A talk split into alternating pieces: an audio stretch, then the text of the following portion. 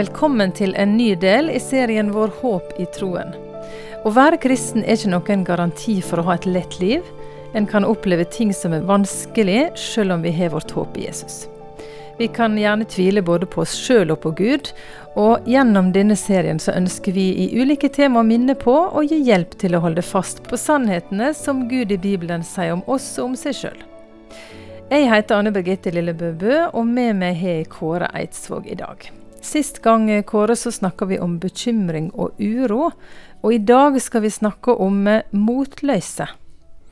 Ja, det er et aktuelt ord, og det er et ord som Bibelen bruker, og som vi finner rett som det er. Folk blir motløse, og også de som lever et godt liv med Gud, så langt vi veit, de blir også motløse. Og det hender i dag. Mm. Det er en fare vi står i alle sammen, og som lett kan skje, og som ikke er godt for oss. Eh, det er som ei skodde som siger innover sjelslivet vårt. Vi ser ikke, og vi blir litt i villrede. Og Nå skal vi vite at uh, Gud har gitt oss mange gaver. Og der står at all god og all fullkommen gave kommer ifra Gud. Men det er ei gave Gud ikke har gitt oss. Og det er at han gav oss ikke ei ånd som verker motløysa. Det står i 2. Timoteus 1,7. Og så står det videre der at uh, han gav oss ei ånd som gir kraft, kjærleik og visdom, står der. Mm. Det motsatte. Ja. Så har du motløsa, er fylt av den, så er det ikke noe som Gud har gitt deg. Og det må jeg si til meg sjøl, at dette er ikke av Gud. Det er viktig å vite. Mm. Men hva kan vi gjøre da for å få den andre ånda, som, eh, som ja. du beskrev der? ja, da er det veldig viktig hvor vi har fokus, altså hvor vi har blikket festa henne. Og det taler Hebreabrevet 12 om, at vi skal eh, vandre videre med blikket festa på Jesus, han som er trua sin opphavsmann og fyllender. Og det skal vi gjøre så vi ikke skal bli trøtte og motløse mm. i trua. Så det er altså den beste medisin imot motløsa det er å ha blikket vendt den rette veien, og det er på Jesus. For han er den som kan ta motløsa ifra oss, og bare han kan det. Vi snakket om det òg eh, sist, Kåre, når vi snakket om bekymring. At vi har så lett for å se på oss sjøl, men at vi må feste blikket på, på Jesus. Og det gjelder jo nå også. Vi ønsker jo å gå til Bibelen, og du har nevnt et bibelvers allerede. Og nå tenker jeg helt konkret. Er det en person i Bibelen du kan ta fram som, som gikk seg trøtt og motløs og opplevde litt det som vi òg kan oppleve, og som vi i dag kan lære noe av? Ja, det er der, og nå tenker jeg eh, spesielt på en som heter Abraham, og som vi leser om i første Mosebok og som er en veldig sentral person både i Det gamle og i Det nye testamentet. Og Akkurat nå så vil jeg eh, ta fram en historie fra kapittel 15 i Første Mosebok. Jeg eh, skal ikke lese hele dette avsnittet, men eh, der møter vi en trøtt og motløs Abraham. Han hadde fått et løfte ifra Gud og han hadde fått løfte om å bli far til en sønn, ja, til ei stor slekt. Og så gikk åra, og tida gikk, og så skjedde der ingenting. Eh, Gud var taus. Og eh, han så på seg sjøl og Sara, og alt håp var ute. Og da var han trøtt og motløs.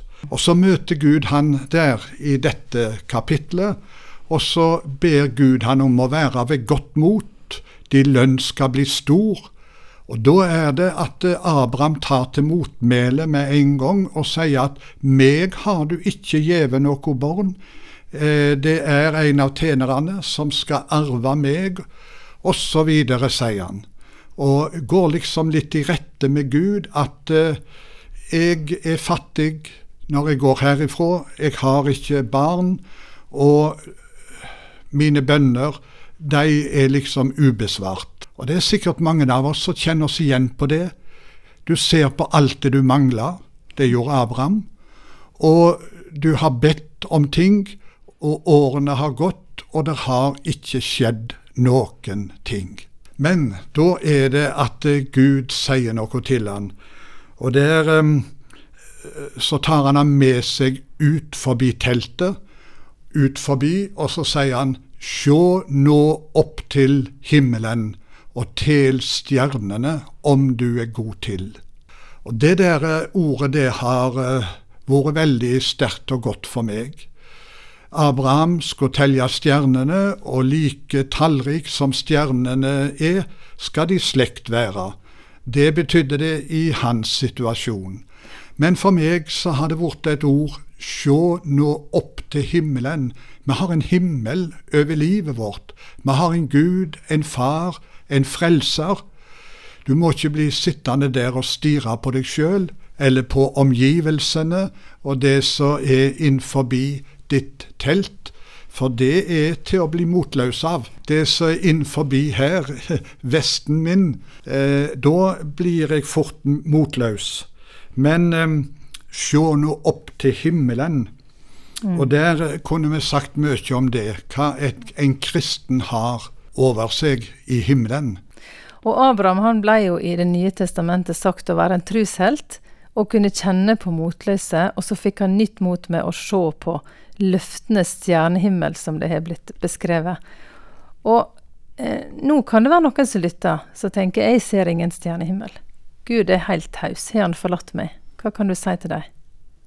Ja, det kan uh, være mye å si, men uh, det er godt å vite når vi er ute og går en mørke kveld så er det ikke alle kvelder som har klar himmel. Der er skyer, og vi ser ikke ei eneste stjerne. Men det er godt å vite at stjernene de er der like fullt. Mm. Om skyene skjuler de. Og av og til så går vi ut, og det er klart og fint, men vi er omgitt av så mange gatelys, altså kunstige lys, at vi, vi får ikke øye på dem. Mm. Men stunder må det bli veldig mørkt rundt oss, da ser vi mange, mange flere stjerner. De er der. Du lever under en stjernehimmel som heter Guds løfter, og de står fast. De er der hele veien. Det var ei kvinne som jeg har lest om, som eh, lå innlagt på sykehuset. Det er sykehusprest Magne C. Krohn som skriver dette i ei av sine bøker. Hun var deprimert hadde tunge tanker og lå med seg sjøl og med sine tanker. Og så får hun besøk. Hun får legevisitten som kom på besøk. Og denne gangen er det en ung kristen lege som kommer bort til senga hennes. Og så forteller hun hvordan hun har det, og så føyer hun til 'Jeg tror jeg er forlatt av Gud'. Og da er det at denne unge legen svarer henne slik. Jeg veit bare om én person som har levd her på jord, som er blitt forlatt av Gud, og det var Jesus. Da han hang på korset, så ropte han ut, Min Gud, min Gud, hvorfor har du forlatt meg? Og han blei da forlatt av Gud, for at ingen andre skal bli forlatt av Gud, verken i tid eller evighet. Og det gav henne trøst og mot, og det er også vår trøst, at vi har Jesus. Han blei forlatt av Gud i staden for deg, for at du aldri skal bli det.